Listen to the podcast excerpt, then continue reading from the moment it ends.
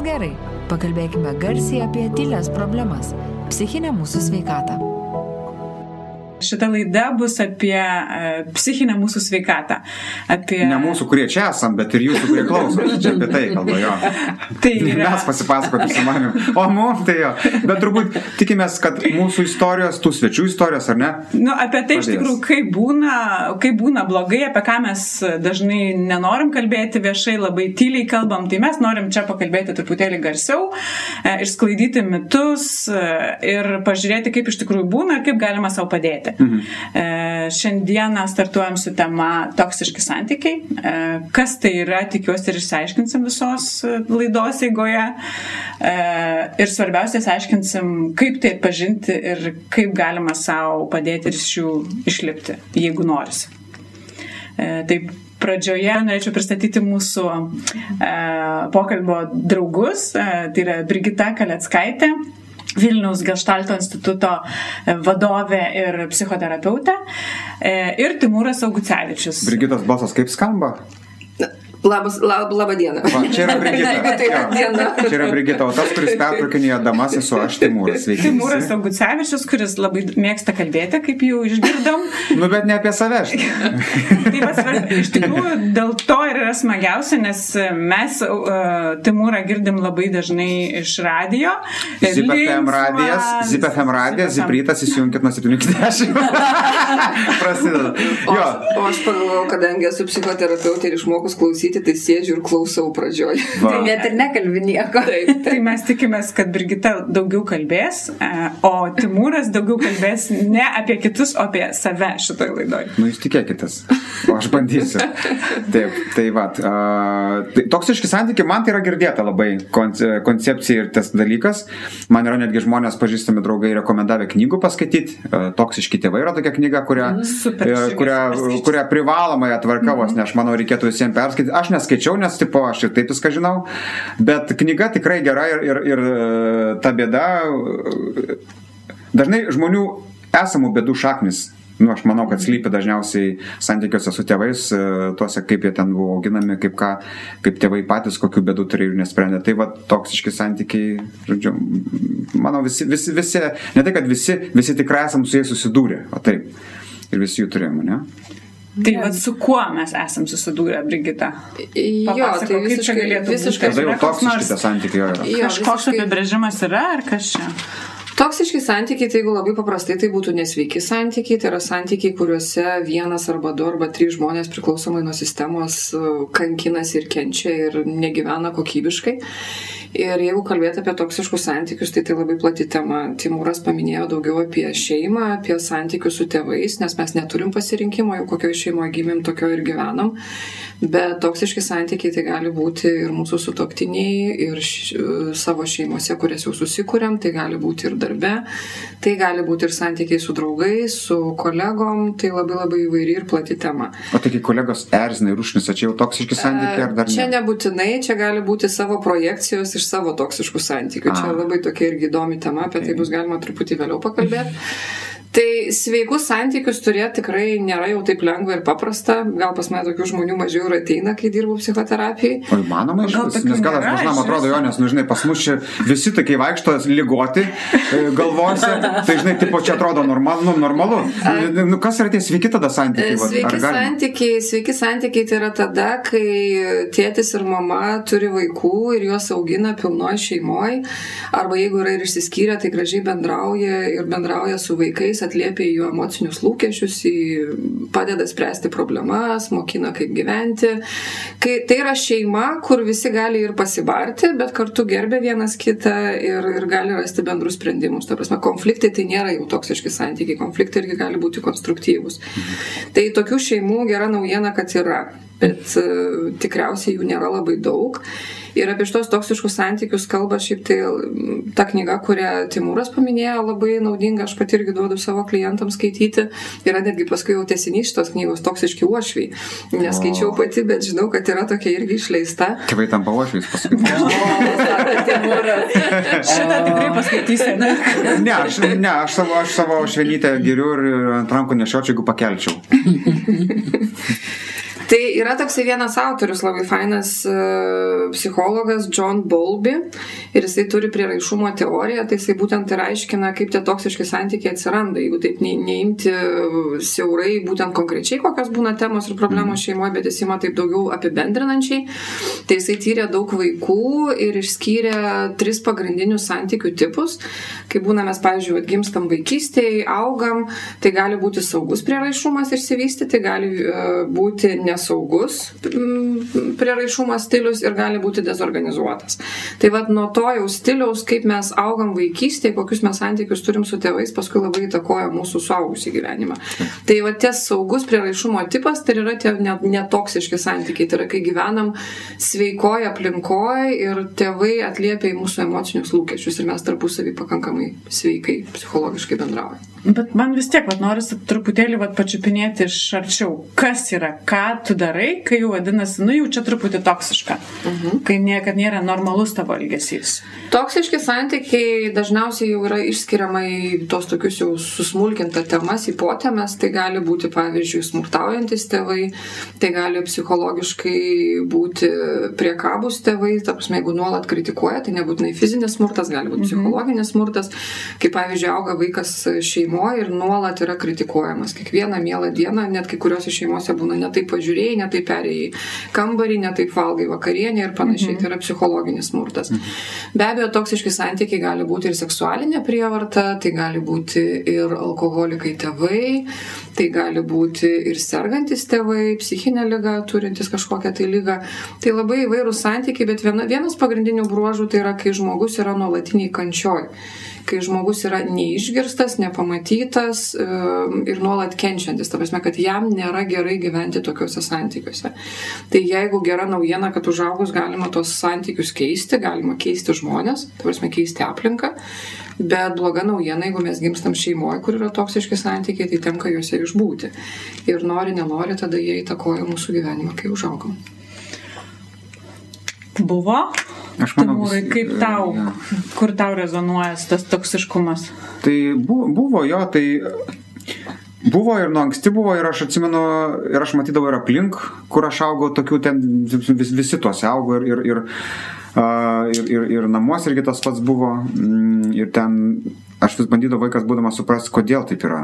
Nu, tarsi, čia, nu, ne, nes aš labai daug televizorių žiūrėdavau ir ten televizoriui būdavo filmuose, ten to tokius užuominus mėtomas yra žiūrovai, kad ten, vat, čia, reiškia, kad nebūtinai ten taip ar kažkaip. Tai, žodžiu, aš ieškodavau atsakymą, man tiesiog aš, aš jau tada supratau, nes kai ir su močiute kalbėdavau, reiškia, su tėvo mama, e, tai e, aš susidariau įspūdį, kad e, jo, buvo jo pas jį kažkokios, reiškia, bėdos, buvo auginimo kažkokie dalykai, kurie, kurie kurių, jisai, kurių nesprendė, nes nu, ne, nebuvo kultūros tokios, kad čia reikia kažkaip tai aiškintis. Mm -hmm. Nu, mhm. tipo, ten, žinai, e, ai, čia berniukai arba ten nu, ant to tokio nurašydavo. Mm -hmm. Ir akivaizdžiai buvo uh, dalykai, jo gyvenime, kurie nebuvo išspręsti laiku ir tas paskui išsivirs, iš, išsivystė tokius jau paskui jau neišraunamus dalykus. Ir paskui tas jo gulė, gulė, gulė ant visų, ant manęs, ant, ant, ant sesio, ant, ant mamos.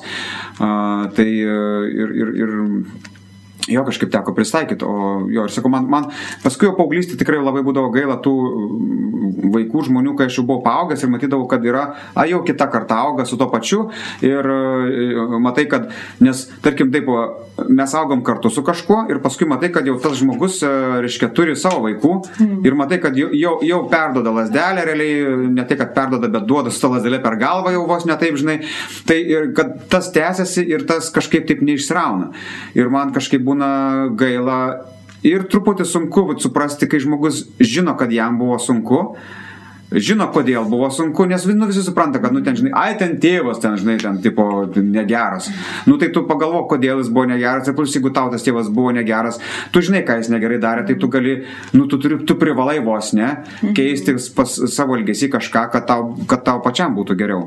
Tai, sakau, tai aš savo gyvenimą bandau tikrai nu, didelius pokyčius padaryti, bet juos darydamas galvoju, kad irgi nepa, daryčiau meškos paslaugos savo. Aš dar laukiu, dar, ne, dar nešneku su vaikais, kodėl jie yra auklėjami būtent taip, bet aš manau, kad nu, turės ateiti laikas, kai aš jam turėsiu papasakoti, kokia ta mano pradžia, nu, mano vaikystė buvo, kaip mes augom ir, ir, kad, vėl, kad netaptų ten, žinai, ten, ai, ten vėl tėvas su savo, tam, žinai, ten savo vaikystės istorijom, žinai. Mm -hmm. Bet kad, nu, kad jiem, jiem būtų aišku, su, suprantama, kodėl jie dabar turi viską, jie, jie, jie, jie gali viską, jie yra skatinami ir jie, kai tingi ir, nuobodžiauja, tai čia yra jau gero gyvenimo ženklas, kad jau žinai, ai, nuobodu, nu tai jums gerai, nes man nuobodu nebūdavo man nuo šešių vakaro dažniausiai nebebūdavo nuobodu, nes jau, žinai, jeigu negrįžai iki šešių iš darbo, nu tai jau nuobodu nebebus visą naktį. Mhm. Tai, tai toksai, žinai, e, ir tas, jo, ir tas matyti, jo kaimo, visas, visi humoristai realiai slepia ten mhm. kažkokias didelės traumas po to, tai uh, jo, aš irgi privalėjau išmokti gyventi su to, tai mano gyvenimas su to būdavo, kad tu tiesiog turi kažkaip apjokauti, apžaisti ten, žinai, jeigu tau pareina agresyviai nusteikęs tėvas į namus, tai tu ten, nu, nestovėsi kaip veršiukas, sakiau, bent panarinės, nes, žinai, žinai, kad tai jam kelia dar didesnį agresiją, nes jis mato save vos nemanyje, stovi toksai vad bejėgis ir jis realiai ten vos ne, nu, save iš esmės mato, nes aš dabar irgi savo vaiką auginu, matau daugybę savo savybių jame, kurios mane ir gazina, kad perstoda, nes aš manau, jau net man, man, matau net mano tėvo savybių jame, kur, kur nu, reikės kažką daryti ir tas dažnai varo irgi nevelti, nes atrodo, daryk, nu, daryk, ką nori, nu, bet va toks žmogus yra. Ir, ir, ir nu, tipo, nu, jis toks gimė. Aš matau, kad jis toks gimė, nes nuo, nuo gimimo yra kai kurios savybės, nu tikrai matai, kad jis, pavyzdžiui, labai lengvai pratrūksta tos emocijos, reiškia tos toksai staigiai, va, ten kažkas trigerina ir jam staigiai pratrūko. Tai su tėvu mano tas pats yra, su manim tas pats būdavo, e, kažkiek sakau, gal susivaldyta yra, bet, bet vis dar tikrai būna, ypač vairuojant, tai ten, oi, kaip žmogus atsiskleidžia vairuojant. Tai va, ir aš matau, kad su mano snum tas pats yra. Tai tas persiduoda duoda, bet e, jeigu atkreipi dėmesį, jeigu pajungi smegenis, aš manau, kad kažkiek gali pasikeisti, kažkiek gali sutvarkyti, dėl to kalbėti apie tai reikia, nu, reikia būtinai, nes kai žmogus galvoja, ai, ką čia sakysi, čia nieko nebus, tai kai tu kalbi, tavo smegeniniai persijungia laidai. Tai va, čia, čia yra visa, visa esmė. Tai aš kažkaip atsimenu, aš aš pradžioj, kaip aš pradėjau, aš kalbėjau daugiau pats savo, ypač kai čia buvo mano pirmas, kai mano atsiskirimas nutiko nuo šeimos, tas pirmas didysis, kai aš išvažiavau į Airiją metam užsidirbti mokslam, metus laiko ten gyvenau ir aš ten buvau visiškai vienas. Ir tada aš buvau jau visiškai nukirtęs viską ir aš galvoju, va dabar e, aš esu pats ant savęs ir aš dabar žiūrėsiu, nu turėjau susigaudyti, kas aš esu, ką aš galiu, kokios mano galimybės, ko aš iš vis noriu ir ko aš noriu, tada jau pradėjau suprasti po to, kai supratau labiau, kas pats, kas pats esu. Tai va, ir buvo laiko tada tokiai per atstumą refleksijai, e, ten, nežinau, su sesėm susirašinėjant, reiškia, ten e, kas kaip namuose, tada kalbant su juom, nes namuose, kai mes būdavom, tai nekalbėdavom niekada apie tai. Nes kai tu esi toje aplinkoje, tu esi arti to žydinio, tu nekalbi, kad, oi, čia, žinai, ten, bet jau tai kaip tu ten jauties, vat, kad čia, žinai, ten, vat, ten, žinai, vėl gerai, arba ten, nu, niekas neklausia, nes visi mato, kaip jauties. Ir ta baime taip surakina, kad tu e, galvoji, sakydamas, tu tik tai padarysi blogiau. Nes visi tą patį patiriam dėl to, kad tu čia tipo, ai, tu čia šnekėsi, tu, ai, patilėkši ir taip, žodžiu, ir taip įtampos pakanka. Bet kai esi toliau, jos matė mane kaip tokį išėjimą iš tos situacijos, nes tipo aš išėjau, tai o aš jaučiau ir kaip ir pareigą ištraukti. Tai jo, tai vad mes susirašinėdami, sakau, ir tas pokalbis būdavo, kad uh, kai kalbi su kitu, tai tu turi papasakoti, kaip tau yra, o kad papasakotum turi suvokti. Nu, turi apibendrinti, su, su, turi tikrai smegeninį įsijungti. Tai va čia buvo gerai. Tu darai iš principo psichoterapiją savo. Jo. Jo, ir aš ką girdžiu, vienas irgi iš labiausiai paplitusių būdų, kaip yra išeiti iš toksiškų santykių, tai yra išvažiuoti į kitą šalį. Taip. Ir man teko girdėti istorijų, kai kas tai pabėga ten, tarkim, tik tai už Baltijos jūros į Švediją, bet netgi tenka tokių istorijų girdėti, kur skrenda iš karto į Naują Zelandiją, Latino Ameriką ar Kanadą, kad tik nepasiektų tėvai ir tie santykiai. Visme, ant tiek ta jėga yra galinga, kad žmonės skrenda visai kitą pasaulio kraštą, kad mama ar tėtis nebepasiektų. Taip, taip, taip. Tai čia aš, aš pats airiai būdamas tokių tikrai mačiau ne vieną, kurie, beje, tas, tas kas nutinka su tais mūsų išvažiavusiais žmonėm, čia yra, vat viso to, kas čia yra užtukę ir jau įsišaknyje, viso šito, vis, visos tos uh, tragiškos, nelaimingos istorijos, kur žmonės išvažiuoja, pajaučia laisvę ir pasileidžia, tai čia yra vat, visiškai tas užspausto tokio uh, auklėjimo priežastis. Ir dėl to, sakau, aš ten tikrai mačiau ir sėkmingų istorijų, kur žmonės mm, galbūt gyvenime turėjo pavyzdžių, kaip gali būti geriau. išvažiavo, atsirado proga ir jie kabinosi visom pastangom ir pasidarė geresnį gyvenimą, bet buvo tikrai tokių, kurie, uh, ai, pabėgau iš kaimo, Bet, bet nemačiau, kaip gali būti kitaip, nors esu kitoje šalyje, kur tu gali bandyti kabinti. Jie toliau, žodžiu, savo daro, jie tiesiog savo, į save įgalina būti, reiškia, nu, nespręs, bet, nu, jie gilin nueina. Bet, Brigita, ar mes galim, ar sprendimo būdas yra tik pabėgimas, ar galima iš tikrųjų pabėgti nuo tų toksiškų santykių? Ir taip ir ne. Aš tikrai esu irgi mačius atveju, kai žmonėm, kurie išvažiuoja ir kažkiek laiko pagyvena užsienį arba, tarkim, ir grįžta paskui į Lietuvą, tai jiem tas padeda. Bet ne visiems, kaip Timūras mm. ir minėjo, kad yra žmonės, kurie pasirenka pasirenka ir gali keistis, o yra žmonės, kurie vis tiek atkrinta. Ir tai yra įdomi tokia tendencija, mes turim tokią psichologijos kryptį sociogenetiką, e, piešim tokias įvairias sociogenogramas ir analizuojam visus santykius, kas yra mano ne tik tai santykė su mama ir tėčiu, mes analizuojam, kas yra su tetom, su dėdėm, su pusbroliais, pusėseriam, seneliais ir jeigu atsimenam netgi proseneliais. Ir kas įdomiausia, kad mes galim atsekti įvairius elgesio modelius ir labiau suprasti netgi savo tėvus, kodėl jie elgesi taip, o ne kitaip taip su mumis, taip. nes jie irgi atėjo iš tos sistemos. Ir tada, kai mes pradedame keistis, mums sunkiausia yra išeiti iš sistemos. Labai daug mačiau atveju, kai žmonės supranta savo situaciją ir nori iš tos sistemos pabėgti. Ir mes juos vadinam kartais arba baltavarna, arba juoda vis, bet jiem yra sunkiausia nes jie nori pabėgti iš sistemos, jie nori gyventi kitaip, bet dar neaišku kaip, o sistema juos traukia atgal. Taip. Ir tada labai sunku yra, nei aš suprantu savo identiteto iki galo ir sistema dar siurbė atgal. Mhm. Tai ne, neturiu statistikos, bet toks jausmas, kad 20 kokių procentų žmonių pavyksta, 80 atkrinta. Nes sistema yra antie galinga, kad jinai traukia atgal ir vėl tada žmonės gyvena taip kaip seniau. Ir pavyzdžiui, va, aš kartais duodu tokį pavyzdį Ką tai reiškia atsiskirti nuo šeimos ir bandyti gyventi kitaip? Įsivaizduokit, kad jūs emigruojate į Junktinės Amerikos valstijas, užaugę jau. Tai jūs Amerikoje nei amerikietis, nei lietuvis. Tas identitetas darosi neaiškus, nei ten aš pritampu gerai, nei Lietuvoje nesu vietinis. Bet kai gimsta vaikai Amerikoje, jie jau yra vietiniai. Tai lygiai tas pats yra su šeima. Kai aš atsitraukiu nuo šeimos, mane sistema bando įtraukti atgal, bet mano vaikam jau geriau. Jie jau gali gyventi kitaip, jie jau turi kitus įgūdžius, kuriuos gauna ir iš mūsų. Tai va tas atsiskyrimas ir išėjimas iš toktinių santykių nėra labai lengvas, bet vienas iš būdų irgi yra per kitą šalį. Jo, tai, bet tas, va, e, aš manau, labai svarbu yra kiekvienam žmogui pažinti savo senelį, kol dar jis yra, nu, ir iškia senelius, e, ir, ir jų gyvenimo e, sprendimus, kiek galima labiau išsiaiškinti. Aišku, ten būna labai daug pagražintų istorijų, bet uh, aš pats kiek galima, nu, aš kiek galėjau ten pats bandžiau susi, išsiaiškinti ir, ir, ir, ir, ir susidėlioti, kaip buvo, nes nu, yra vis tik desningi tam tikri dalykai. Nu, aš, aš tikrai manau, kad ta genetika savo daro psichologai, nes galų gale vienas toks kažkoks yra amerikietiškas šau, kur jie paima žymų žmogų ir jo genetinį medį, iki, iki kiek tai gali labiau gilin nueina, išsiaiškina. Ir ten paskui paaiškina įvairaus, ten kokio senelio, prosenelio, reiškia sprendimus arba jo gyvenimo istoriją, kodėl jisai ten, nežinau, pabėgo iš Italijos, išvažiavo kažkur ir, pavyzdžiui, tada paaiškina, kodėl tėvas jį augino taip labai saugodamas, spausdamas, nes, pavyzdžiui, buvo tik, vat, nežinau, uh, nežinau, pabėgo ten iš kokios ten, tarkim, tos pačios Italijos, uh, bėgo galbūt nuo kažko, uh, nenorėjo būti matomas, dėl to tėvai stengiasi tyliai, ramiai auginti, o vaikas, būdamas paauglys, norėjo, uo, varydžinai.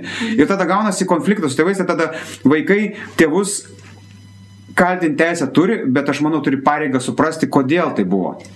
Tai va, tada dažnai tas toksiškumas nebe taip slegia. Jis, jis savo daro, bet, bet slegia vis tiek. Tada, bet, bet žinai, tada suprantu, nes, pavyzdžiui, man dabar irgi yra uh, Nors aš ir suprantu, kad su tėvu tie santykiai yra kažkiek tikrai nenormalūs ir kreivi.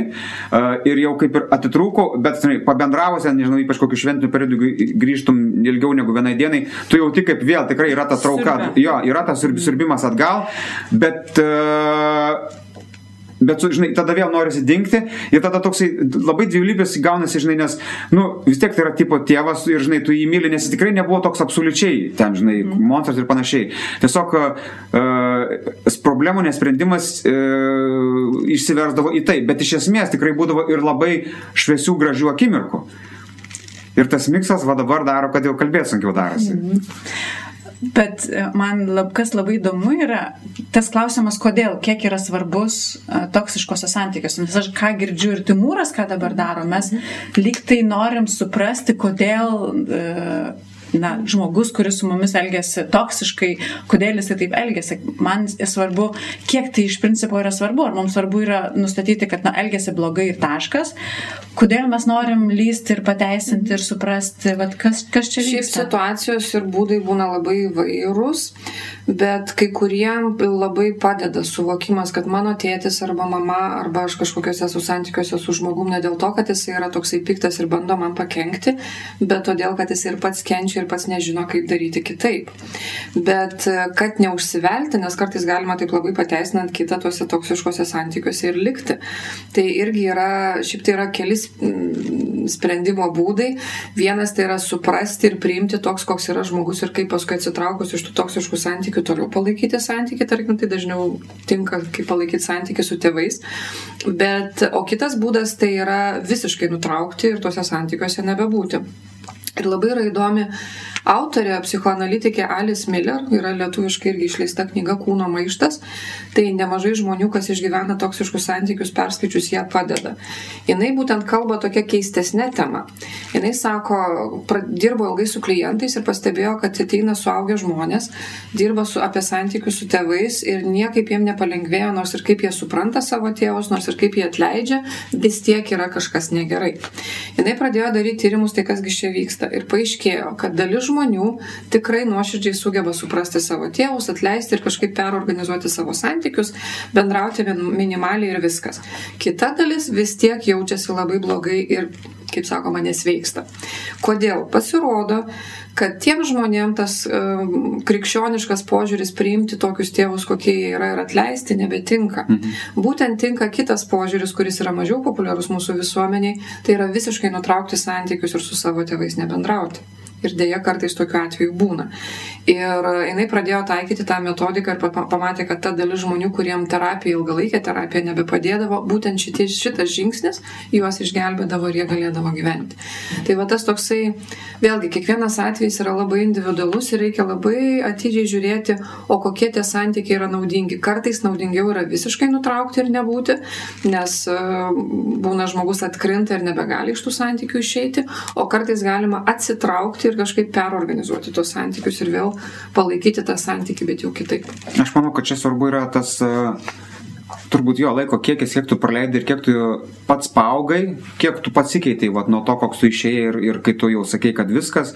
Uh, nes jo, grįžti ir bandyti padėti pasikeisti ten uh, tėvui ar ten nežinau, ar mamai.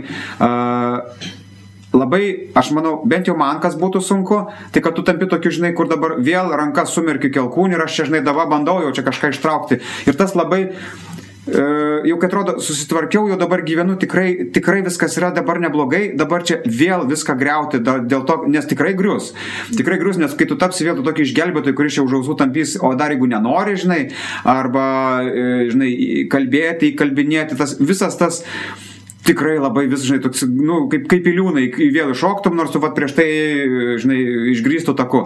Tai tas labai mm, sunku, bet aš manau, paskui, jeigu tu matai, kad, jeigu, kaip sakyti, jeigu tu blaiviai įvertini ir tu matai, kad yra galimybė padėti, pa, pagerinti tam pačiam uh, žmogui, mamai ar tėtai gyvenimą, bandant suprasti, kas ir kaip, ir kad jie patys gal kažkiek keisusi.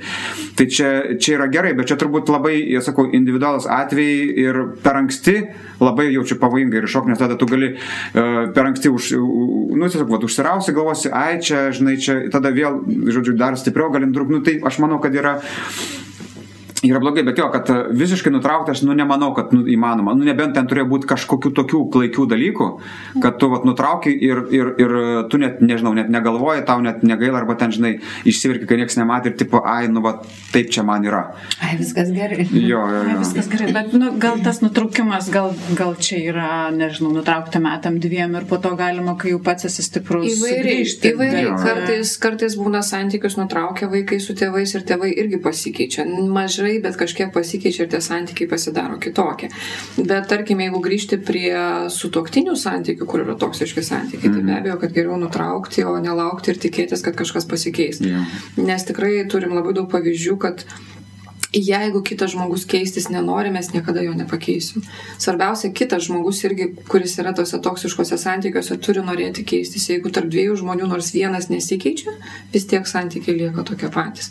Tai kartais tikrai būna geresnis sprendimas trauktis ir bėgti, negu kad toliau būti tame santykė. Kad ir pavyzdžiui pavyzdys, sakysim, turėjau klientą, kurio mama gėrė ir geria nuo to laiko, kai jisai buvo mažas vaikas. Tėtis negeria, kas nu dažniau būna įprasta, kažkaip dažniau kalbam apie geriančius tėčius, bet ne mamas, o mama būtent geria ir visa šeima pastatyta buvo ant to, kad visi gelbėjo mamą. Ir kai vaikinas kreipėsi pas mane į terapiją, jam buvo gal 22 metai ir aš jo tiesiai išviesiai paklausiu, nu kiek laiko geria tavo mama. Jis sako, nu kai man buvo 5-6 metai, aš jau atsimenu, kad jau pradėdavo išgerinėti. Ir aš tada tiesiai šviesiai pasakiau, sakau, atsiprašau, bet jeigu jau tiek laiko visa sistema, visa šeima nebeišgelbė mamos, jau jų, jos jūs nebepakeisit, tau reikia gelbėti save. Ir vis tiek ten buvo daug visokių minčių apie tai, kad kaip gelbėti mamą, kaip ten dar kažką padaryti. Na visi, bet tas įprotis yra gelbėjo mamą. Mm. Bet labai džiaugiuosi, kad po pusės metų terapijos visgi žmogus pasigalvojo, kad nu, aš irgi esu žmogus ir aš irgi noriu gyventi ir mano gyvenimas nėra sukurtas tam, kad tik nuolat gelbėti mamą. Bet man labai įdomu, kad Brigita, tu prieš tai paminėjai ir čia susiję yra, kad mumise yra tas labai stiprus, na, nežinau, instinktas krikščionių, nežinau, gal čia susijęs su religija, kad mes negalim arba jaučiamės negali nemylėti savo tėvų. Ir kaip tu dabar negelbėsi mamos, Na, kaip tu labai, nebendrausi su tėvais. Man labai patikdavo tu... Alice Miller būtent toj knygoje parašymas, kad o už ką aš turiu mylėti savo tėtį ar mamą, jeigu mane kasdien muždavo, o už ką aš turiu mylėti savo mamą ar tėtį, ten dažniau galbūt tėtį, kad mane prievartavo. Čia gal net labiau tas kalties jausmas yra toks, mm, kad mūsų, e, turbūt kiekviename mūsų išugdytas dar tėvų, žinai, mm, kad taip, tu jautiesi kaltas, kad tu... Ir kaltė, ir tu... gėda, ir aš vis tiek tas didžiausias prieštaravimas yra, kad ir myliu, aš myliu savo mamą, aš noriu mylėti mamą arba tėtį ir jie su manim taip elgesi ir ypač, sakysim, kiek žinau atveju, kai um, gerai žinomi žmonės, tėvai ir mamos namuose būna visiški despotai ir muša savo vaikus, ta prasme, jie pasakoja užaugę tas istorijas. Ir jie paskui, kai pasakoja, taip ir būna, aš myliu savo mamą, aš myliu savo tėtį, bet mane mušia kiekvieną dieną, kad netai perėjau per kambarį, ta prasme. Tai Alice Miller šito klausimu labai griežta, kad už ką aš turiu mylėti, jeigu su manim taip elgesi, kodėl aš turiu elgtis gražiai, jeigu su manim nesielgia gražiai. Ja, bet čia, čia turbūt tie kraštutiniai atvejai, bet sakau, aš manau, didžioji dalis yra auga tokiuose, kur kokį, nu, 60 procentų, gal 70 procentų laiko būna viskas kaip ir, kaip ir ok. Kaip bet paskui būna va, tas toks vienas ir tada ten jau, žinai, to, reiškia, tokia vatsesnė, kur aš manau, daug, daug, kas taip auga, kur kaip ir diena eina savo ga, bet kažkas nutinka, nu ir kažkoks va toks prasideda. Tai e, tokiu atveju, žinai, mm, tas už ką atsakymas dar sunkesnis, nes, nu, kaip ir viskas lyg ir neblogai buvo, bet va kartais į, į, būdavo taip, mhm. kad, žinai, ir, ir tas toksai, tai tokie, žinai, nes man atrodo tikrai yra e, e, galbūt lengviau šiek tiek tiem, kuriem buvo tikrai sunku, nu, kurio ten tikrai, žinai, buvo labai, labai juoda. O ten, kur pilka zona, žinai, nu, kur, kurių daugiausiai, žinai. Tai vat, ir dažnai žmonės, aš manau, tie, vat, kur tie tu pilkoji zonai augia, jie galvoja, kad, nu, ai, čia viskas kaip ir gerai su ta mama buvo. Nu, čia, žinai, biški gavom, ten, žinai, biški ten kažką. Čia yra, čia yra vienas iš tų mūsų apsaugos mechanizmų, kad visą laiką tiek vaikai, kurie užauga toksiškoje sistemoje, šeimoje, jie niekada nesupranta patys to. Jie ne tai, kad nenori to suprasti, bet jie ant tiek bando save apsaugoti ir prisikūrė visokių apsaugų, kad pavyzdžiui ateina ir sako, mano vaikystė buvo graži, aš visą laiką augau pas močiutę. Arba viena moteris pasakojo, kad jai buvo didžiausia nuostaba, kai jinai iš draugių sužinojo, kad jos mama per veidą jos nemuša, nes sako, mane mama muždavo iki 14 metų. Ir tas toksai, vat, mes gyvenam tokioje aplinkoje toksiškai, bet mes nematom, kad joje gyvenam. Ir tik tai, kaip išeinam į viešumą, kai pradedam kalbėti su draugais, stebėti kitas šeimas, e, stebėti kitus santykius, tik tada pagalvom, kad, o velnės, kažkas čia pas mus ne taip, kažkas pas mus negerai. Taip, taip, tas pasilyginimo dalykas labai mhm. galingas. Mhm. Nes kol nėra pasilyginimo, atrodo, nu visi taip, taip gyvena, jo. nes aš esu įpratus, santykis toksai, tai yra normalu ir mes gyvenam gyvenam tokiuose santykiuose. Tarkim, jeigu imti ir su toktinius, dažniau tai būna moteris, būna, sakysim, ko priklausomos, labai ten įsikabina į vyrus, tai irgi jos tai nemato, kad yra problema. Tik tai iš šono draugai pastebi, kad, pavyzdžiui, pradeda blogiau miegoti moteris, blogiau atrodyti, blogai jaučiasi, jinai pati vis nesupranta, kad jinai yra toksiškose santykiuose. Ir tada kaip reikalinga vat, pagalba iš šono pasakyti, žiūrėk, kas su tavim vyksta, ką tu darai. Tarkim, yra filmas labai geras Monroe, mano karalius Kaselio pastatytas. Tai va ten labai gražiai iliustruoti santykiai, kai draugauja moteris ir vyras, ir moteris yra ko priklausoma, vyras yra daugiau narcisistinė asmenybė ir kaip jisai ją manipuliuoja ir jinai to visai nemato, jai visa jau šeima, draugai gražina atgal žiūrėjo, kaip tu gyveni, o jinai nemato, nes tikrai labai pačiam yra labai sudėtinga pamatyti, kad tu gyveni toksiškose santykiuose. Ir tik tai jau pamačius būna šokas ir tada galvoju, o velnės, tai ką man dabar daryti. Tai. Bet ką aš girdžiu, kad nu, toksiškose santykiuose, na kaip ir visuose, yra, yra ta uh, agresoriaus pusė ir yra ta aukos pusė. Ir kad auka yra nemažiau toks toksiška pusė, nes na, yra toksiškas ne tik tai tas žmogus, kuris na, kažkaip nes, nu, blogai elgesi, bet ir tas, kuris na, savo valia, ne savo valia, kuriam, kuris įpranta ir įkrenta į tokius santykius visada ir kaip tai, kaip tai kartojasi. Taip, ir dažnai tokiem žmonėm irgi tenka mokintis iš naujo, kurti santykius, domėtis, skaityti, mokytis, stebėti savo elgesį, kad keistis. O kaip pat būnant toj roliai, kaip suprasti, kas yra normalu, kad su manim, nu, nenor, nu kad jau čia nenormaliai elgesi su manim, arba kad aš leidžiu su manim. Tai dažniausiai, kas yra nenormalu ar normalu, kaip ir pasakoju iš pavyzdžių, tai yra mes pradedam lyginti save su kitais, mes pradedam žiūrėti, kaip gyvena kiti, o jeigu jau par suvokiam, kad mes kažkokiuose, vat, netokiuose santykiuose gyvenam, tai be abejo, kad padeda ir psichologinė literatūra, ir filmai, ir, ir pokalbiai su specialistais, kad būtent pasižiūrėti save iš šono kad e, kol mes sėdim tuose toksiškose santykiuose, mes galim to visai nepastebėti. O kokie, pavyzdžiui, yra dalykai indikuojantis labiausiai, kad tai yra toksiški santykiai? Nes, nu, pavyzdžiui, įsivaizduoju, e, netgi vat, apie tą Timūrą klausydama, kad e, tu gali supykti. Mhm. Tiesiog, va, tu supyksti ant žmogaus, tavęs netenkina kažkoks santykis ir va dabar paklausiusi, tarkim, kokiam nors, nežinau, moteris gali pradėti sakyti, nu, man atrodo, kad jau jo, nu, mano toksiški santykiai su vyru yra, nes man nepatinka, kad jisai taip ir taip elgesi. Mhm. Tai, va, Kaip indikuoti tą toksiškumą, kad tu esi toksiškose santykiuose, kaip žmogus jaučiasi, vad būdamas toj roliai to, nežinau, aukos nežinau, ar galima pavadinti, mm -hmm. bet vad. Šiaip tai, nu, tai yra ir subjektyvūs kriterijai, kad aš žiūriu pati, kaip aš jaučiuosi. Jeigu aš kiekvieną dieną jaučiuosi prislėpta, su manim kažkas negerai, tai reikia žiūrėti, o kas čia vyksta, ar mano viduje kažkas netaip, ar mano aplinkoje kažkas netaip. Na ir paskui, jeigu tai yra fizinė prievarta, tai aišku, iškart matom, kad man nepagarbus elgesys. Jeigu yra labai žema savivertė, tai reikia ieškoti, kur kas aplinkui galbūt prieš tai arba dabar e, labai dažnai kritikuoja, kad e, priekabiauja, kabinėjasi, ta prasme, kad Na, toksiškus santykius galima žiūrėti ir pagal savo sveikatą. Žmonės jaučiasi labai blogai ir dažniausiai kasdien arba būna kaip tik visiškai tokie geležiniai ir stengiasi visą tai ignoruoti.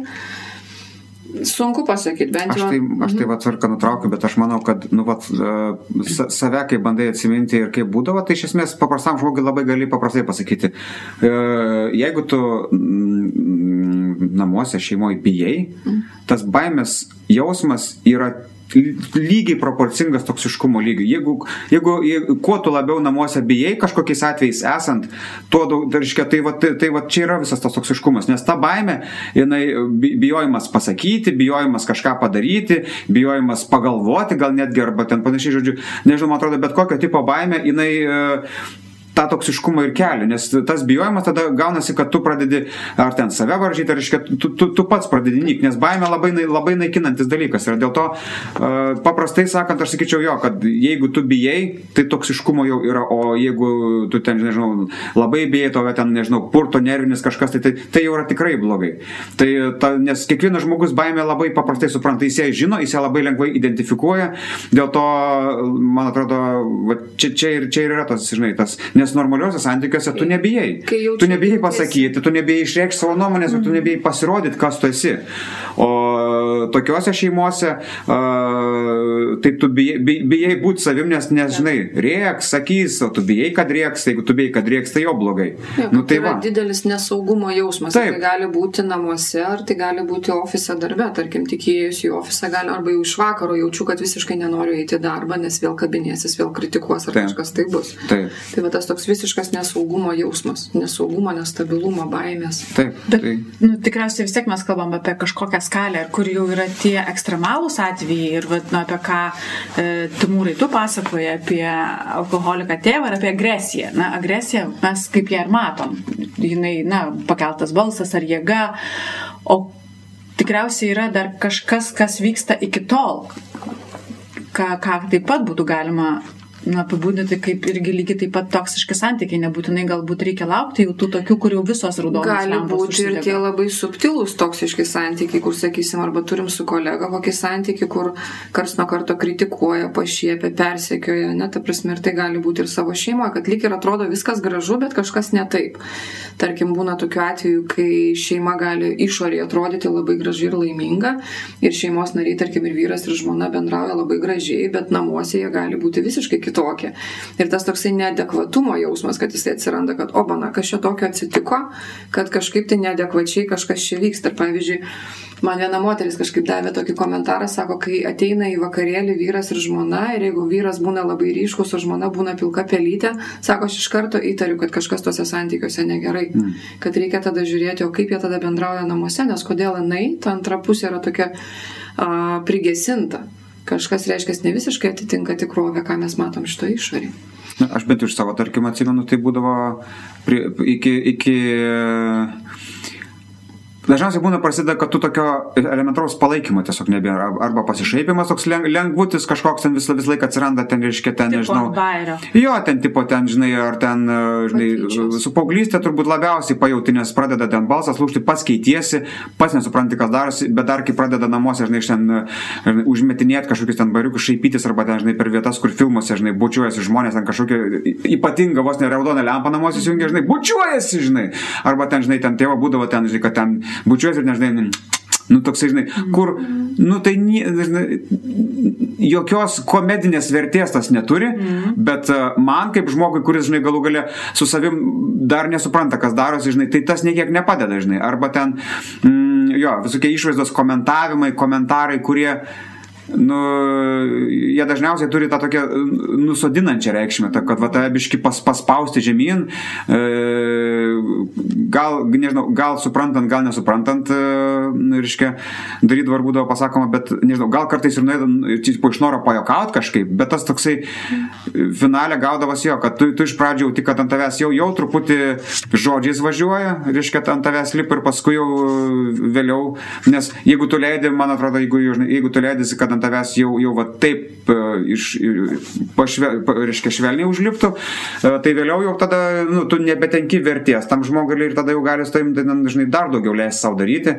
Tai e, dažniausiai aš iš pirmų tokių kalbinių dalykų tu gali suprasti, kaip su tavim kalba, ką tau sako, galų gali ir tas požiūris iš to matosi. Jo, tai mes žiūrėk dar vieną išryškinom dalyką, kada yra toksiški santykiai, kai nėra pagarbos, kai yra bendraujama nepagarbiai. Taip, tai čia, tai čia vat, visiškai irgi susiję, nes ta nepagarba, jinai irgi, ką, kelia tą pačią baimę tam, su kuriuo yra bendraujama. Tai sakau, čia vat, vat, baimė, ba, tai vat, dėl to pasakau, sakau, paskui, kai žmogus nebebijo kažkada, va, tie patys emigrantai, kurie išvažiuoja, kai jiems nebėra ko bijoti, nes iš čia, žinai, sparnai iš žemės išaugo.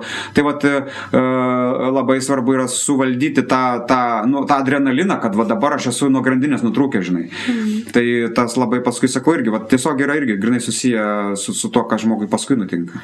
Bet, na, iš tikrųjų vienas dalykas yra išvažiuoti kažkur ir, e, ir atitrūkti, bet tai nereiškia, kad tu, iš, kad tu išsilaisvini iš to toksiškumo viduje. Ne, ne. E, yra tikriausiai kažkokie tai elgesio e, formatai, kuriuos mes arba įkrentam, jeigu nedirbam ir jeigu samoningai to savo neįsivardinam ir, ir nes, nesuvokiam ir nenorim keistis o gal ir netgi kažkas, ką mes perdodam toliau savo vaikams, savo kolegom, sutoktiniui ir kaip, kaip, tos, kaip tai perkeliamas toliau, jeigu ne, ne, ne, nepadedam. Na, jeigu savo. mes iš toksiškų santykių pabėgam ir nieko su savim nedarom ir nelavinam samoningumo ir nestebim savo elgesio, tai mes vėl grįžtam atgal. Ta prasme, tas toksiškumas niekur nedingsta, nes jau tie elgesio modeliai yra išmokti tai tenka kažkaip vis tiek, nu, tenka nemažai dirbti su savim, stebėti savo elgesį, žiūrėti, stengtis, kad nesielgti taip, kaip mano tėvai, nesielgti taip, kaip su manim kažkada elgesi. Tai yra sunku labai. Ir tai yra labai sunku. Tai yra... Žmonės, kurie augia tokioje aplinkoje, dažniausiai jie taip. ieško greitų sprendimų, taip. greitų kreditų ir panašiai, tai jiem tas darbas su savim yra tipo, nu, žinai, kad ką, tipo, čia man, tipo, reikės labai, labai, labai išgažinti. Dažnai santokos, pavyzdžiui, jeigu žmonės nedirba su savimi mm. ir išeina iš toksiškų santykių ir išsiskiria, tai būna ir antra, ir trečia, ir gal penkta santoka vėl tokia pati. Taip, taip, taip. Kad jeigu mes nieko nekeičiam, o keičiam tik partnerį, tai niekas nesikeičia, nes mūsų toksiškumas lieka, mūsų elgesio modeliai Bet lieka. mes kartuojam tą patį toksiškumą, kad įkretam į tą pačią, nežinau, aukos, arba Dažniausiai- perimam, tada jau patys patampam tais, nežinau, ar... Ne, tai dažniausiai mes ar kartuojam tai- tos pačius elgesio modelius, tarkim, jeigu aš augau vaikystėje ir mano mama arba tėtis geria ir aš labai jo rūpinuosi ir man niekaip, tarkim, tėtis ir niekaip nepavyksta jo išgelbėti, tai aš užaugus nusprendžiu dabar, o aš gyvensiu visiškai kitaip negu mano tėvai ir pasirenku netyčia vaikiną, kuris arba visiškai negeria, arba jokių nematau uh, bruožų, kad jis galėtų gerti, ne? bet kažkiek laiko netyčia išlenda, kad jisai visgi geria arba šiuo metu tik tai yra, ten sakysim, abstinentas ir negėrė, ne? ir vėl staiga pradeda girtauti arba turi kokią kitą priklausomybę, tarkim, galbūt narkotikai ir panašiai. Ir tada aš vėl užkimbu ant tos pačios meškerės ir tada rūpinuosi nuolatos savo vyru ir bandau jį ten gelbėti. Ne? Gerai, jeigu man ateina suvokimas arba kažkas padeda suprasti, kad nieko čia nebus, aš išsiskiriu. Ir jeigu aš nieko nedarysiu, aš vėl surasiu žmogų, kurio reikia rūpintis, kuriam reikia daug pagalbos. Pavyzdžiui, galbūt nerasiu vyro alkoholiko, bet rasiu vyrą, kuris visiškai nedirba, visiškai nieko nedaro. Pirmos dienos gražios, kai susipažįstam ir panašiai, o po pusės metų ar metų paaiškėja, kad jis nei dirba, nei jam kažkokios motivacijos reikia ir panašiai. Ir vėl aš iššoku gelbėti. Bet tai ne dėl to, kad e, vyrų pasaulyje nėra, o dėl to, kad aš nebesugebu, ne, nedirbdamas su savim, neįsisamonindamas savo elgesio, aš nesugebu pamatyti kitokių vyrų. O Timūrai, tu pradėjai kalbėti apie tai, kaip, kaip savo padėti, kaip tu pats savo padėjai, kad tu iš pradžių, na, tam tikrą prasme pasėmė atstumą, mm. išvažiavai, bet e, kokie dar buvo kiti, vad nežinau, resursai, mechanizmai, kas tu dabar supranti, kad tau padėjo, e, nežinau, save pakeisti arba pakeisti savo požiūrį į, į, į tėvą, į tą, to, į tą toksiškumą, kad nu, tu supratai, kad kažkas ne to ir tu turi ir nori keisti, kas, ką tu darai. Tai kadangi aš, aš, nu, aš pats patyriau, kas yra manipulacija tavimi, e, man pačiam buvo įdomu, kad, nu, kad, kad vat, kažką pasako, kažką padaro ir aš tipo darau, klausau ir iš- man, man, man pačiam tada buvo įdomu uh, išmokti irgi manipuliuoti. Nu, nu, nes jeigu vat, mačiau, kad pasidaro, aš pajutau tą galę, nu, vat, pats pamatęs, kas tai yra, aš pats uh, kaip ir turbūt, nežinau, gal, gal pasąmoniškai, kažkaip, bet irgi norėsiu išmokti uh, suprasti, kas, kas tai yra, ka- vat, kas ta manipulacija, kada žmogus, vat, kaip čia valdosi. Ir daug, maž, daug dalykų instinktyviai tiesiog supranti, uh, susi, jeigu tu savo klausimą keli, tai tu tą atsakymą rasi. Tai jo, kai kurie dalykai buvo instinktyviai, kai ką truputį skaičiau, uh, žodžiu, kažkas iš kokių nors kitų ten iš kažkokių vaizdinių dalykų, bet uh, man pačiam buvo įdomu uh, perprasti, kaip tai pasidaro. Čia nežinau, čia gal yra, nežinau, kažkoks šeimos bro dalykas, nes kažkaip tėvas ten mėgdavo visokius dalykus ar didžiai iš ko padaryta ir man būdavo iki šiol dar būna įdomu dalykai, kaip jie padaryti, kaip jie veikia, kodėl yra taip, kaip yra ir jeigu yra bėda, tai nu, tipo, kaip čia išspręsti. Man, žodžiu, tas pataisytojo toksai vaidmuo visą kažkaip gyvenimą dėliojasi. Tai, tai teisėsi pats. Jo, teisiausi pats, nes uh, aš kažkaip, aš, aš pats ir, mo- aš kaip sakyt, aš gyvenau pats savo vienas. Mm. Kas kad šeimoje, bet kiekvienas gyveno pats savo, pats savo ir uh, jeigu ne aš pataisysiu, tai niekas nepataisys. Mm. Nu, tai tipo ir teisėjai kažkaip ten uh, virvelėm raždamas ir panašiai, žodžiu, kad kažkaip tai uh, kažką tai turėjai pasidaryti. Tai vat, jo, sakau, daug, daug kas buvo instinktyviai, bet ir stebint aplinką ir, ir, ir, ir taip, nežinau, kri- kritiškai pavertinant, nes, nu, man pasisekė, kad aš e, gerų žmonių aplink turėjau. E, Mokykloje būdavo tokių e, gerų tą prasme, kad jie, jie mokėjo, kaip sakyt, švelniai pasakyti, kad nu, tos dėsnius, kad jeigu yra problema, tai problema yra ne, nebūtinai, kad tik tai kažkieno kito yra, prasme, kad yra kitas problemos šaltinis, bet kad ir tu pats esi dažniausiai, jeigu yra kažkokia probleminė situacija, tavo procentas ten irgi kažkoks yra, tavo veiksmų kažkokių.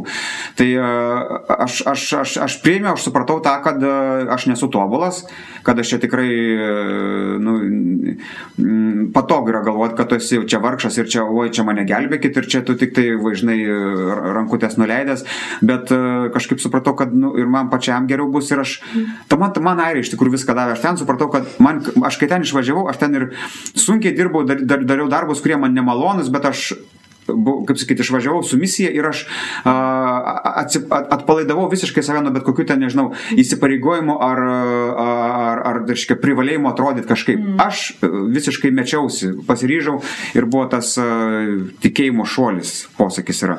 Ir tenais a, man tas toksai, reiškia, a, ne tik, kad išsilaisvinimas a, nuo grandinių tų tokių, kurios laikė namuose, bet ir, ir nuo, nuo asmeninių tokių, kad aš, aš, aš nebijau, aš dabar, žodžiu, atsipalaiduoju ir aš ieškosiu savęs savęs. Man tas kažkaip tai, jo, turbūt labiausiai padėjo, nes tikrai būna dažnai, man atrodo, problema, kai žmogus galvo, kad jisai viską gerai darė.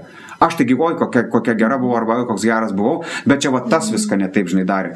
Tai yeah. tą labai svarbu yra labai anksti suprasti, kad nu, jeigu buvo bėda, tai tu pats irgi buvai kaltas tenai.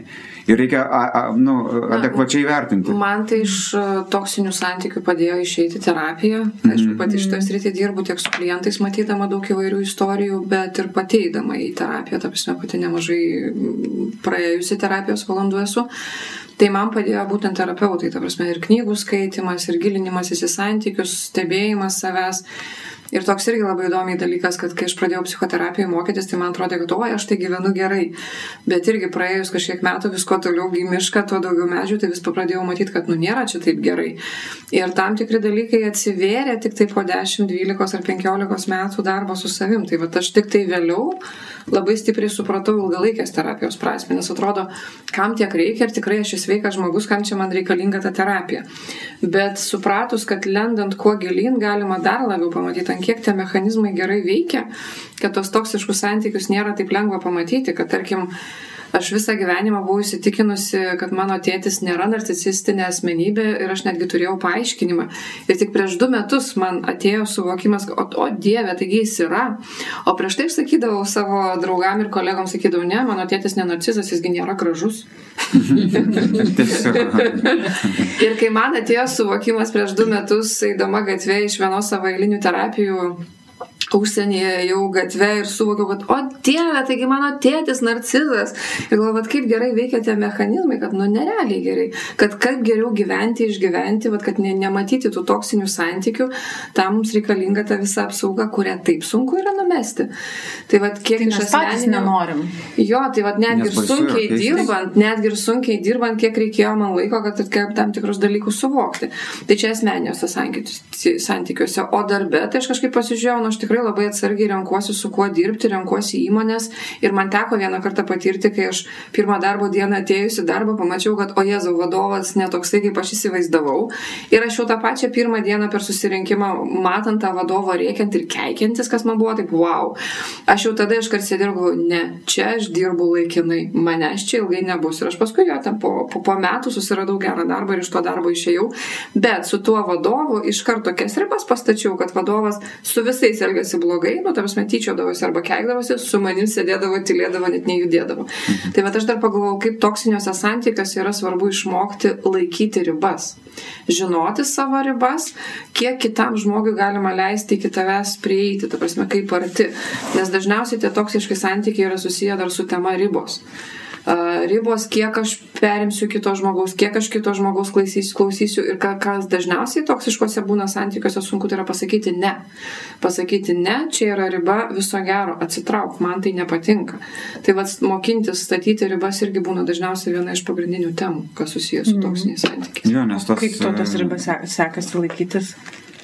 Uh, ką žinau. Uh, kažkaip man kalbėti apie tą visą savo situaciją kažkaip, nežinau, natūraliai norėjęs iš pradžių, tipo, nu, tipo ten, ai, palauksim, gal kol, tipo, numirs ir tada čia, žinai, mm -hmm. pašnekėsiu, čia, čia, o jie to, kad tik nežais. Bet aš paskui pagalvojau, uh, kad kad, nu, kad gal nereikia, tipo, kad, kad, kad, nes jau dabar manęs nieks nebesieja su, su, su, su tėvu, tai mm, kalbėti akis į akį irgi negali, nu, tipo, ne, tiesiog nei, gal ir klausyti noro nėra, kalba ten gali būti, kad šokinės, nes yra tai, nu, buvę tuo atveju, kai lyg ir bandai kažkaip užsiminti, bet kalba nukrypsta visiškai kažkur nebe ten, nes, nu, nenori, neįdomu ne, ne, ir panašiai.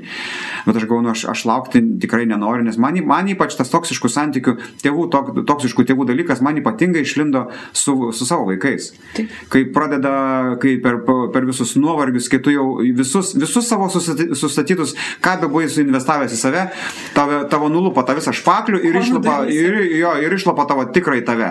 O tada jau labą dieną ir važiuojam. Nes, nu, tu investuok neinvestavęs, bet kol tu neturi kito žmogaus savo atsakomybėje, tai vaikų, tai ten niekas nesiskaito.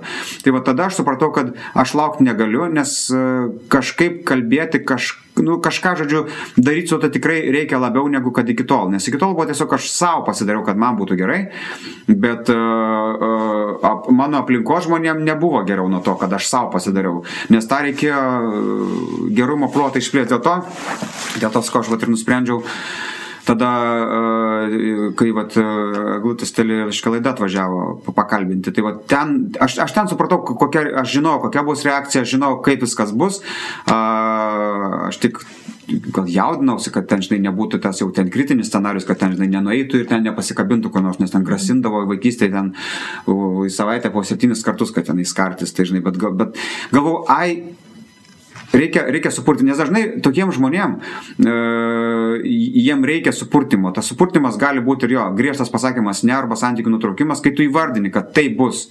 Nes kai tu ten myki mūkė aplinkui ir, ir nepasakai, tai, tai kažkaip jie vis dar yra, jie, jie, jie vis dar valdžio, jie kontroliuoja.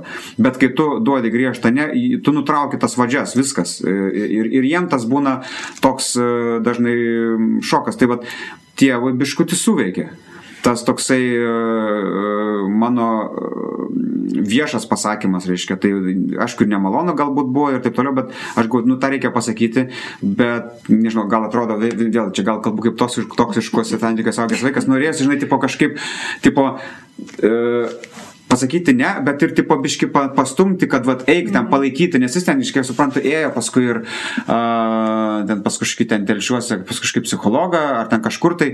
Mm, uh, tai va tas, bet ten supratau, kad tom ir baigėsi, tai va nežinau. Uh, gal ir ta pagalba dar nėra adekvati visur, kur tu kokią, kokią ją turėtum gauti, žinai. Nes vėl mažesniam ten miestelį e, sėdi kažkokia, nežinau, institucinė jau vos ne, ten viena yra psichologija, vienas čia pas mus yra kunigėlis, ten vienas yra laidotuvimo, žinai, kiekvienas turi savo biznį, vos ne taip. Ir, nu, man atrodo, kad e, jam reikia nu, tikrai rimtesnės pagalbos, o ne, žinai, pašnekėkime ten, žinai, patapykim ten su akvarelėm, kaip ten niekada darė, žinai. Nu, jam ten kaip ir faina buvo, bet tai kas daugiau, kas toliau. Nes ten nu, ten, ten jau yra didžiulis, didžiulis dalykas. Tai vad, sakau, man padėjo pasakymas viešai, problemos įvardymas, išsprend, kažkaip toks, nu, bent jau galvoje susidėliojo ir, ir situacijos, nu, neišsprendė, bet bent jau matom, kaip yra. Tai čia, žinai, čia kaip atrodo ir, žinai, jeigu jau kažkur, nežinau, ko, bėda kokia nors su kūnu, tai tu turi nueiti iki esmės ir žiūrėti, ką daryti. Tai man jo kalbėjimas viešai galbūt labiau padeda. Na, aš manau, kad žiauriai, šiaip man labai faina, kad tu tuo pasidalinai. Nu, tai labai labai svarbu yra. Nu, šiaip Man dabar kažkaip net apsikabinti.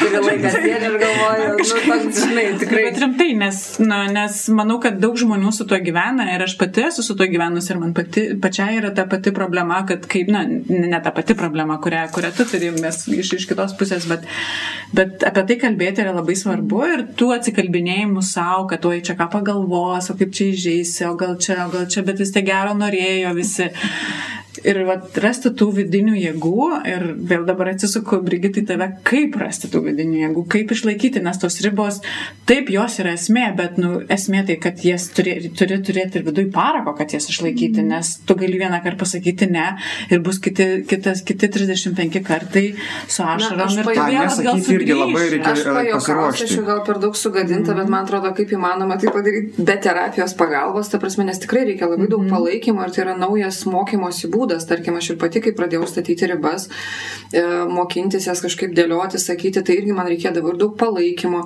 Tai vėlgi aš tą palaikymą gaudavau arba iš kolegų, arba iš e, savo terapijos. Vis tiek reikalingas kažkoks žmogus ar du ar trys, kurie galėtų palaikyti, nes aš viena galiu mokintis tas ribas statyti, bet tikrai nu, yra pakankamai sunku ir sudėtinga. Aš galiu vėl užsivelti ir nematyti savo elgesio.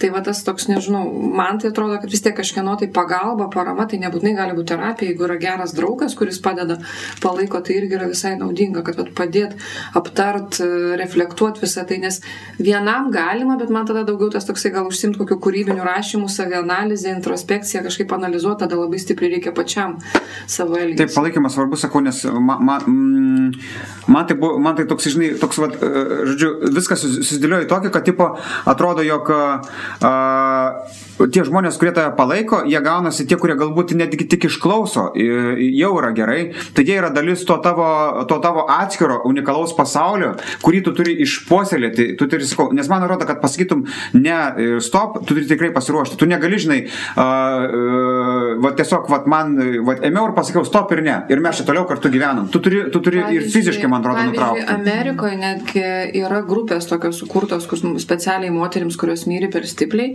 per stipriai. Ir kai jos dalyvauja tose grupėse, jom netgi yra priskirta kaip vyresnioji sesuo arba kaip mhm. kažkokia pagalbininkė, kuri jau per tai yra praėjusi, kuri jau yra išėjusi iš toksinių santykių.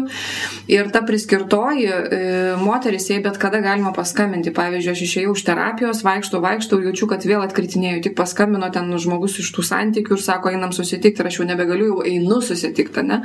Tai būtent ta moteris vyresnioji tokia vad padėjėja reikalinga tam, kad paskambinė ir sako, ne, tu niekur neįsi, tu dabar būsi namie, tau reikia pagalbos, nes tikrai kartais iš tų santykių yra žiauriai sunku išeiti vienam, kad būtinai reikalinga pagalba.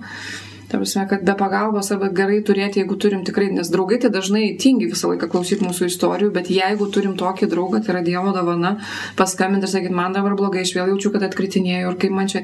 Ir draugai būtent gražina į tą realybę, ne, tu nekartok, tu negali ir panašiai. Bet nebūtinai gali būti draugai, bet nebūtinai gali draugai, kurie gali tau padėti, nes gali būti draugai, kurie šiaip nori padėti, taip, bet nebūtinai bet ne, gali padėti. Taip, taip. Tai kaip, va čia, kaip va, vienas resursas, va draugai, kokie kiti resursai yra, į ką gali atsiremti arba ką savo daryti, nežinau, pakvėpuoti. Vien, jo, gal yra kažkas. Dar yra pagrindiniai dalykai, be abejo, kažkaip kurti stabilumą savyje, savo viduje, kad jaustis pakankamai stabiliai, nes jeigu nėra stabilumo, tai bet kokie santykiai musgi išmuša. Tai jau kaip tą kurti stabilumą, tai aišku, įeina ir paprasti netgi tie dalykai, ir gerai išsimiegoti, ir gerai pavalgyti, gerai jaustis, medituoti, užsimti kažkokią veiklą, fizinę veiklą. Visi tie dalykai, kas mums padeda stabilizuotis ir jaustis geriau, irgi labai reikalingi resursai, jeigu mes norim iš tų santykių išeiti. Aš dar skaičiu, galima į kokį šaltą ledinį vandenį bandyti šokti, nes man tai labai susijuoja su tuo, uh, Čia, va, kaip, žinai, uh, kai žmogus bando išėdinėti, tai tipo būna taip, kaip, kaip va, pavasarį pirmą kartą lipi į ežerą. Mm. Arba po truputį, žinai, tipo tapo ir tada tu ten užtruksi 20 metų ir tu neišlipsi, arba tu nenueisi pasimaudyti, arba tu tiesiog nerista čia galva ir žiūri, kas bus. Tai uh, kažkaip aš esu tos, va, to, to, to, tokios, to nerimo, žinai, šalininkas, kad jeigu tu tiesiog fiziškai jau, žinai, tu išdrįsi, pavyzdžiui, iki tol tau labai buvo baisu ir tau labai jau netrodė, netrodė čia gera mintis, nežinau, ar iš pirties išės, ar iš kaip, žodžiu, į tą ledinį vandenį šokti, o tu pabandai, nuo tokių mažų dalykų kartais uh, tu gali savo tokių vidinių jėgų atrasti. Tai reikia, aš manau, reikia, reikia rasti, kas tave patį labiausiai, uh, nu, vat, motivuoja, užkuria ir palaiko.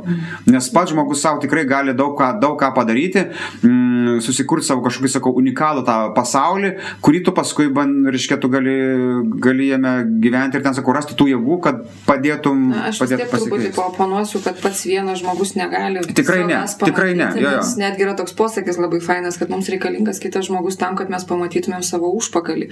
Nes mes negalime, mes galime įsivaizduoti, kad jau kažką padarėm, mes jau galime įsivaizduoti, kad jau čia išlipom iš tų toksiškų santykių. Ir, nu, kuo aš, pavyzdžiui, labai džiaugiuosi, aš turiu draugės terapeutės, tai aš būna jau taip įsivaizduoju kažką gero apie save ir ką nors pasakau ir man kai teškia atgal ir aš Užleidžiant ne, ne, ne, aš jau žiūrėk, aš jau pasikeičiau, aš taip jau nedarau. Ir tikrai tuo tikiu, nuoširdžiai tikiu. Ir po kokių dviejų, trijų dienų man ateina suvokimas, o velnės, taigi jinai sakė tiesą. Tai va tas toksai, kad, nu, pats, aš pats galiu, aš sutinku, bet tame yra irgi daug tokių labirintų, kur galima visiškai pasiklysti ir galvoti, kad aš jau padariau, kad man jau pavyko, man pasisekė, aš jau čia gyvenu kitaip, bet galbūt žmogus iš šono pažiūrėtų, sakytų, ne velnio, dar, o jei, tau čia reikia daryti, dar negyveni kitaip. Nežinau, man tai buvo sunkiau turbūt pasitikėti kitais ir aš netikėjau, kad man kažkas gali padėti. Bet aš tą patį norėjau sakyti, kad turbūt vienas svarbiausių dar dalykų yra tai, kad tu nebijotum kalbėti. Nes Taip. žmonės dažniausiai Taip. lieka spręsti savo viduje, Vieni. todėl kad jie bijo kalbėti. Vieni. Jie bijo pasirodyti, nežinau, netobuli, kad Taip. ką aš čia dievė, čia tai visigi aplinkui taipgi gražiai gyvena. Jo, jo. Visigi nuostabus, Visiškai visų sutinku. šeimos gražios yra, o aš čia dabar ateisiu ir aš čia toks netobulas. aš- Neužsidaryti, Taip. kalbėti su kitais ir vien tas, kad aš vieną kartą galiu netgi nepažįstamam žmogui, jeigu baisiau yra saviem pasakot, galiu papasakot kažkur autobuse ar, ar, ar traukinį. Ir pradėjus kalbėti irgi vyksta pokytis. Vien dėl to, kad aš jau kalbuosi su kitu žmogumi, aš geriau įsisamoninu, kas vyksta su manim ir tada tas pokytis pamažu gali vykti. Taip, taip. Bet vėl, aš gal jeigu kalbėti, tai su autobusu aš nesiūlau, nepata- nepatarčiau ne vienam klausytojui, nes jeigu man kažkas pradėtų kalbėti, aš tikrai ieškočiau jau išėjimo. Dėl to yra, dėl to yra tikrai verta. Stotelę paspausti anksčiau. Jo, dėl to yra verta nueiti pa žmogų, kuris e, moka klausyti, kuris e, žino, ką tau atsakyti, sakau, ta, pagalbos, aš manau, dabar jau tikrai galima gauti, tikrai manau, kad kokybiškos geros, dėl to, nu, išsipasakot bent jau, o ne, o ne, o ne, žinai, o ne, galbūt bus, sakau, baisu, kad man čia kažkaip tai kažką ten reikės daryti su savimi, bet tu tiesiog nueik išsipasakok, jau tau bus Faina, geriau. faina surasti savo bendruomenę, tarkim, Taip. Pagal hobius, pagal kažkokią tai veiklą, kur aš turiu bendraminčių ir tengi galima irgi ramiai pasikalbėti, pasidalinti kažkuo, tai tai irgi gera terpė. Taip, taip, taip. Kalbėtis. Tai vad vienas iš tų, jo, viena iš tų bendruomenių buvo religinė grupė, kurioje aš dalyvavau ir, ir buvau tikrai aktyvus narys ir ten, žodžiu, viskas. Taip. Bet ten, sakau, aš kažkaip dabar, kai retrospektyviai atsimenu, tai tai buvo tiesiog uh, vienas iš žingsnių, jo. Paskui aš, man kažkaip buvo gaila su jais nutraukti santykius, nes aš, aš kažkaip, ne, aš nebebuvau religinga, man taip, taip puf ir atkritau, tipo. Nes aš vat, po tų metų Airijoje ten uh, prisigilinęs į, reiškia, į, į, į tą vakarietišką ten kultūrą ir tas visas ten, reiškia, įvairiausius ten tuos, kad tu pats gali ir panašiai, aš supratau, kad, nu, mm, man tai nebeaktualu, man to nereikia ir man buvo kažkaip biški gėda ir biški gaila tų žmonių e, su jais kontaktą nutraukti, bet aš supratau, kad irgi, nu, e, aš iš to gero nieko nebegaunu ir aš ten būdamas jeigu aš nu, apsimetinėti irgi nenoriu. Tiesiog, nu, buvo, buvo faina ir tiesiog, pad, nu... Jo, ir Iš kai kurių ir sąjungų. Bet tuo metu, tai buvo labai, tuo metu tai buvo tikrai labai vertinga, naudinga, tai jeigu yra a, grupė žmonių, kur galit save e, kažkiek pri- realizuoti, eikit, Ir darykit. ačiū, kad priminė apie dvasingumą. Aš galvoju, kažkaip irgi vienas iš būdų, vat, kaip išeiti iš tų toksiškų santykių, tai yra jeigu surandi kažkokią bendruomenę ir eini dvasingų kelių, mm. bet vėlgi tame yra didelė rizika, kad neužeiti ant kokios nors sektos ar bendruomenės, kur iš vienų toksiškų O jie gaudo, santykių jo, mes jo. pakliūnam į kitus toksiškus santykius. Tai va šitoje vietoje irgi yra labai didžiulė rizika, kaip nebėgant nuo meškos ar ten nuo vilko užšokti ant kito žvėries. ane? Tai, nu, reikia žinoti, kad yra sektos ir kad jos, ką jos daro ir, nu, pas, kaip jos veikia, tai gali dabar sužinoti labai paprastai, nu, serialų prikurta, Taip. pasižiūri ir tu žinai. Ir suprasti, kad ten yra sekta, nu, nėra sudėtinga. Man, nu, dabar man atrodo. Aišku, žmogui esančiam toje situacijoje gal yra sunkiau, bet kai vėl, jeigu tave išnaudoja, jeigu atsiranda kažkoks mažiausias baimės faktorius, nes sekta yra tas pats, tok, ta, ta pati toksiška aplinka. Taip. Tai jeigu tu jau ten vėl biški pradedi kažkur bijoti, nu tai vėl jau tu klaus ke- ke- savęs, kodėl aš bijau, ką, kas yra ne taip, kad aš bijau. Tai jo, nes tarkim, aš, aš pats esu patyręs, kaip mane sekta verbavo Vilniui važiuodamas čia, nes tu eini kitaip, tu eini kaip vergas, tu eini kaip bailys, Jie tu, tu, mato tu visas rengiasi taip, tu atrodai. Taip. Jie tikrai, jos, jie tikrai tave pamatys. Ir, Taip. ir, ir, ir kai tu pats iš to išlipi, kai tu jau, jau biški apslopi, kai tu pagerai, tu pradedi matyti, kad tipo čia rimtai, jo, taip, va. Pradedi matyti kitus, kurie. Taip, taip, taip. Ir tu, ir, tu, ir tu matai ir tau siauba tada kelia, kaip man iki šiol tikrai, kai tu matai, nu, uh, žinai, tu daryk kažką žmogaus su savim, žinai, ten- senelis ar ten kažkas, tai sėdė ten stotelėje, pliauplina ten tą alų, žinai. Nu, nesueina man 2 plus 2. Rimtai, bet aš norėjau irgi pakalbėti apie tą jausmą, kai tu įveiki tą toksiškumą, vieną galbūt iš toksiškumų gal lieka kiti ir vėl susitinki su to pačiu žmogumi ar patenki tą pačią situaciją ir koks yra jausmas viduj, kai tu žinai, kad Man tai, tai jau nebe įsijungia. aš. Man tai tokia stipri gynyba. Čia aišku, iš to yra, kad aš uh, nežinau to žmogaus istorijos, dėl to jo nesuprantu ir kai aš nesuprantu, man iš karto tokia, žinai, piktumas, o piktumas iš karto, žinai, gynyba, tu susirakina sienos, ten lažalės susidaro, žinai, kaip... Nebenori ten su... Jo, jo, aš tokių žmonių, aš pats dabar vat, gyvenu šeškinį e, ir ten yra tokių personažų, kurie ten, žinai, į laiptinę, ten, žinai, bando įeiti, žinai, smirda visas ir taip toliau, žinai, aš nežinau, aš, aš su jais bijau bendrauti, nes aš bijau, kad aš, nu, jie mane trigerina labai stipriai. Dėl to tam, va čia jaučiu irgi, čia yra dar mano didžiulė silpna vieta, kur, kur man reikia išmokti tvarkytis, nes pamatai tokį ir, žinai, ir aš, pažiūrėjau, žinai, esu į ginčius įsivėlęs, kaip, žinai, tipo, kai ten, žinai, vieni ten žmonės pažymėta tiem, ten, kurie ten, žinai, su ta rankelė sėdė, žinai, gatvėje, o aš čia griežtas esu prieš. Tai čia yra irgi, čia aš manau, žinai, tie tokie e, kraštutiniai, griežti, mm. tokie, va, tokios, tokios nuomonės, jūs irgi su jam reikia tvarkytis. Tai... Nu, visko vienu metu nesutvarkysim. jo, jo, tai, e, bet tikiuosi, kad bent jau kažkiek gal pavyks pamotivuoti tą žmogų, kuris klauso ir žino, kad bijo. Kiekvienas tikrai, kiekvienas, jeigu klauso ir žino, žino, kad jis bijo tose santykiuose, nebejotinai jis tą suvokia. Šiaip labai dažnai netgi į terapiją, kai ateina žmogus ir mes pradedame apie tai kalbėti, tai gerai, kad aš iš anksto perspėju, kad pradėjus kalbėti pasidarys, sun, nes nelengviau, o sunkiau. Mm. Nes kol anksčiau to nesakydavau, tai žmonės dingdavo. Dvi, trys sesijos ir dingsta, nes atėjogi, kad palengvėtų, o jiem blogėja. Nes jeigu mes bandom kažko vengti, uždaryti, o paskui staiga atidarom, tai aišku, kad blogėja. Bet kai pradėjau pasakoti žmonėm, tai jie dabar ateina, pasišneka, blogėja, išbūna tą blogėjimą santykių aptarimo, tarkim, ir tada jau tik tai pradeda gerėti. Tai vad kaip ir tu tu sakai, kad pradžioje yra tikrai baisu. Taip, taip. Ir vat, kaip tą baimę peržengti, baimę, skausmą. Ir tai nėra toks taip, jau pas labai malonus. Bet uh, tas, tas, tas mechanizmas, uh, tas, tas baimės liūnas, realiai kaip, kaip, kaip tą galima įvardinti, jisai, jisai net sąlygoja realiai, vat, kaip, kiek žmogus uždirba, kaip jisai gyvena, nes čia, sakau, yra tekę dalyvauti ir ten vėl televizijos laidai ten sėdi, žinai, apie žmonės ten, kurie, vat, žinai, ten prastai kažką gyvena.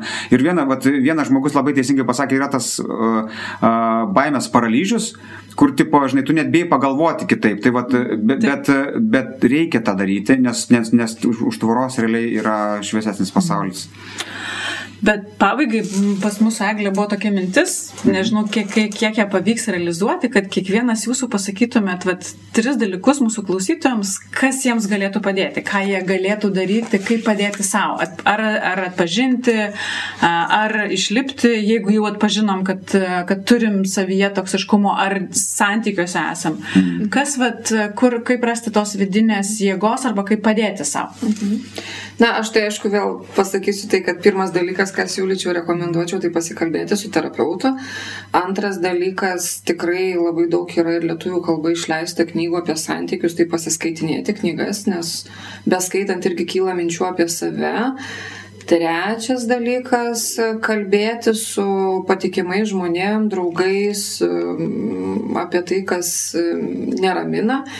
Ir dar pridėčiau ketvirtą labai svarbu, tai yra stebėti savo jausmus ir emocijas, nes būtent jie ir parodo, kad čia kažkas ne taip, ką aš dabar turiu daryti ir kas su manim vyksta, tai stebėti save, kokiuose santykiuose aš esu.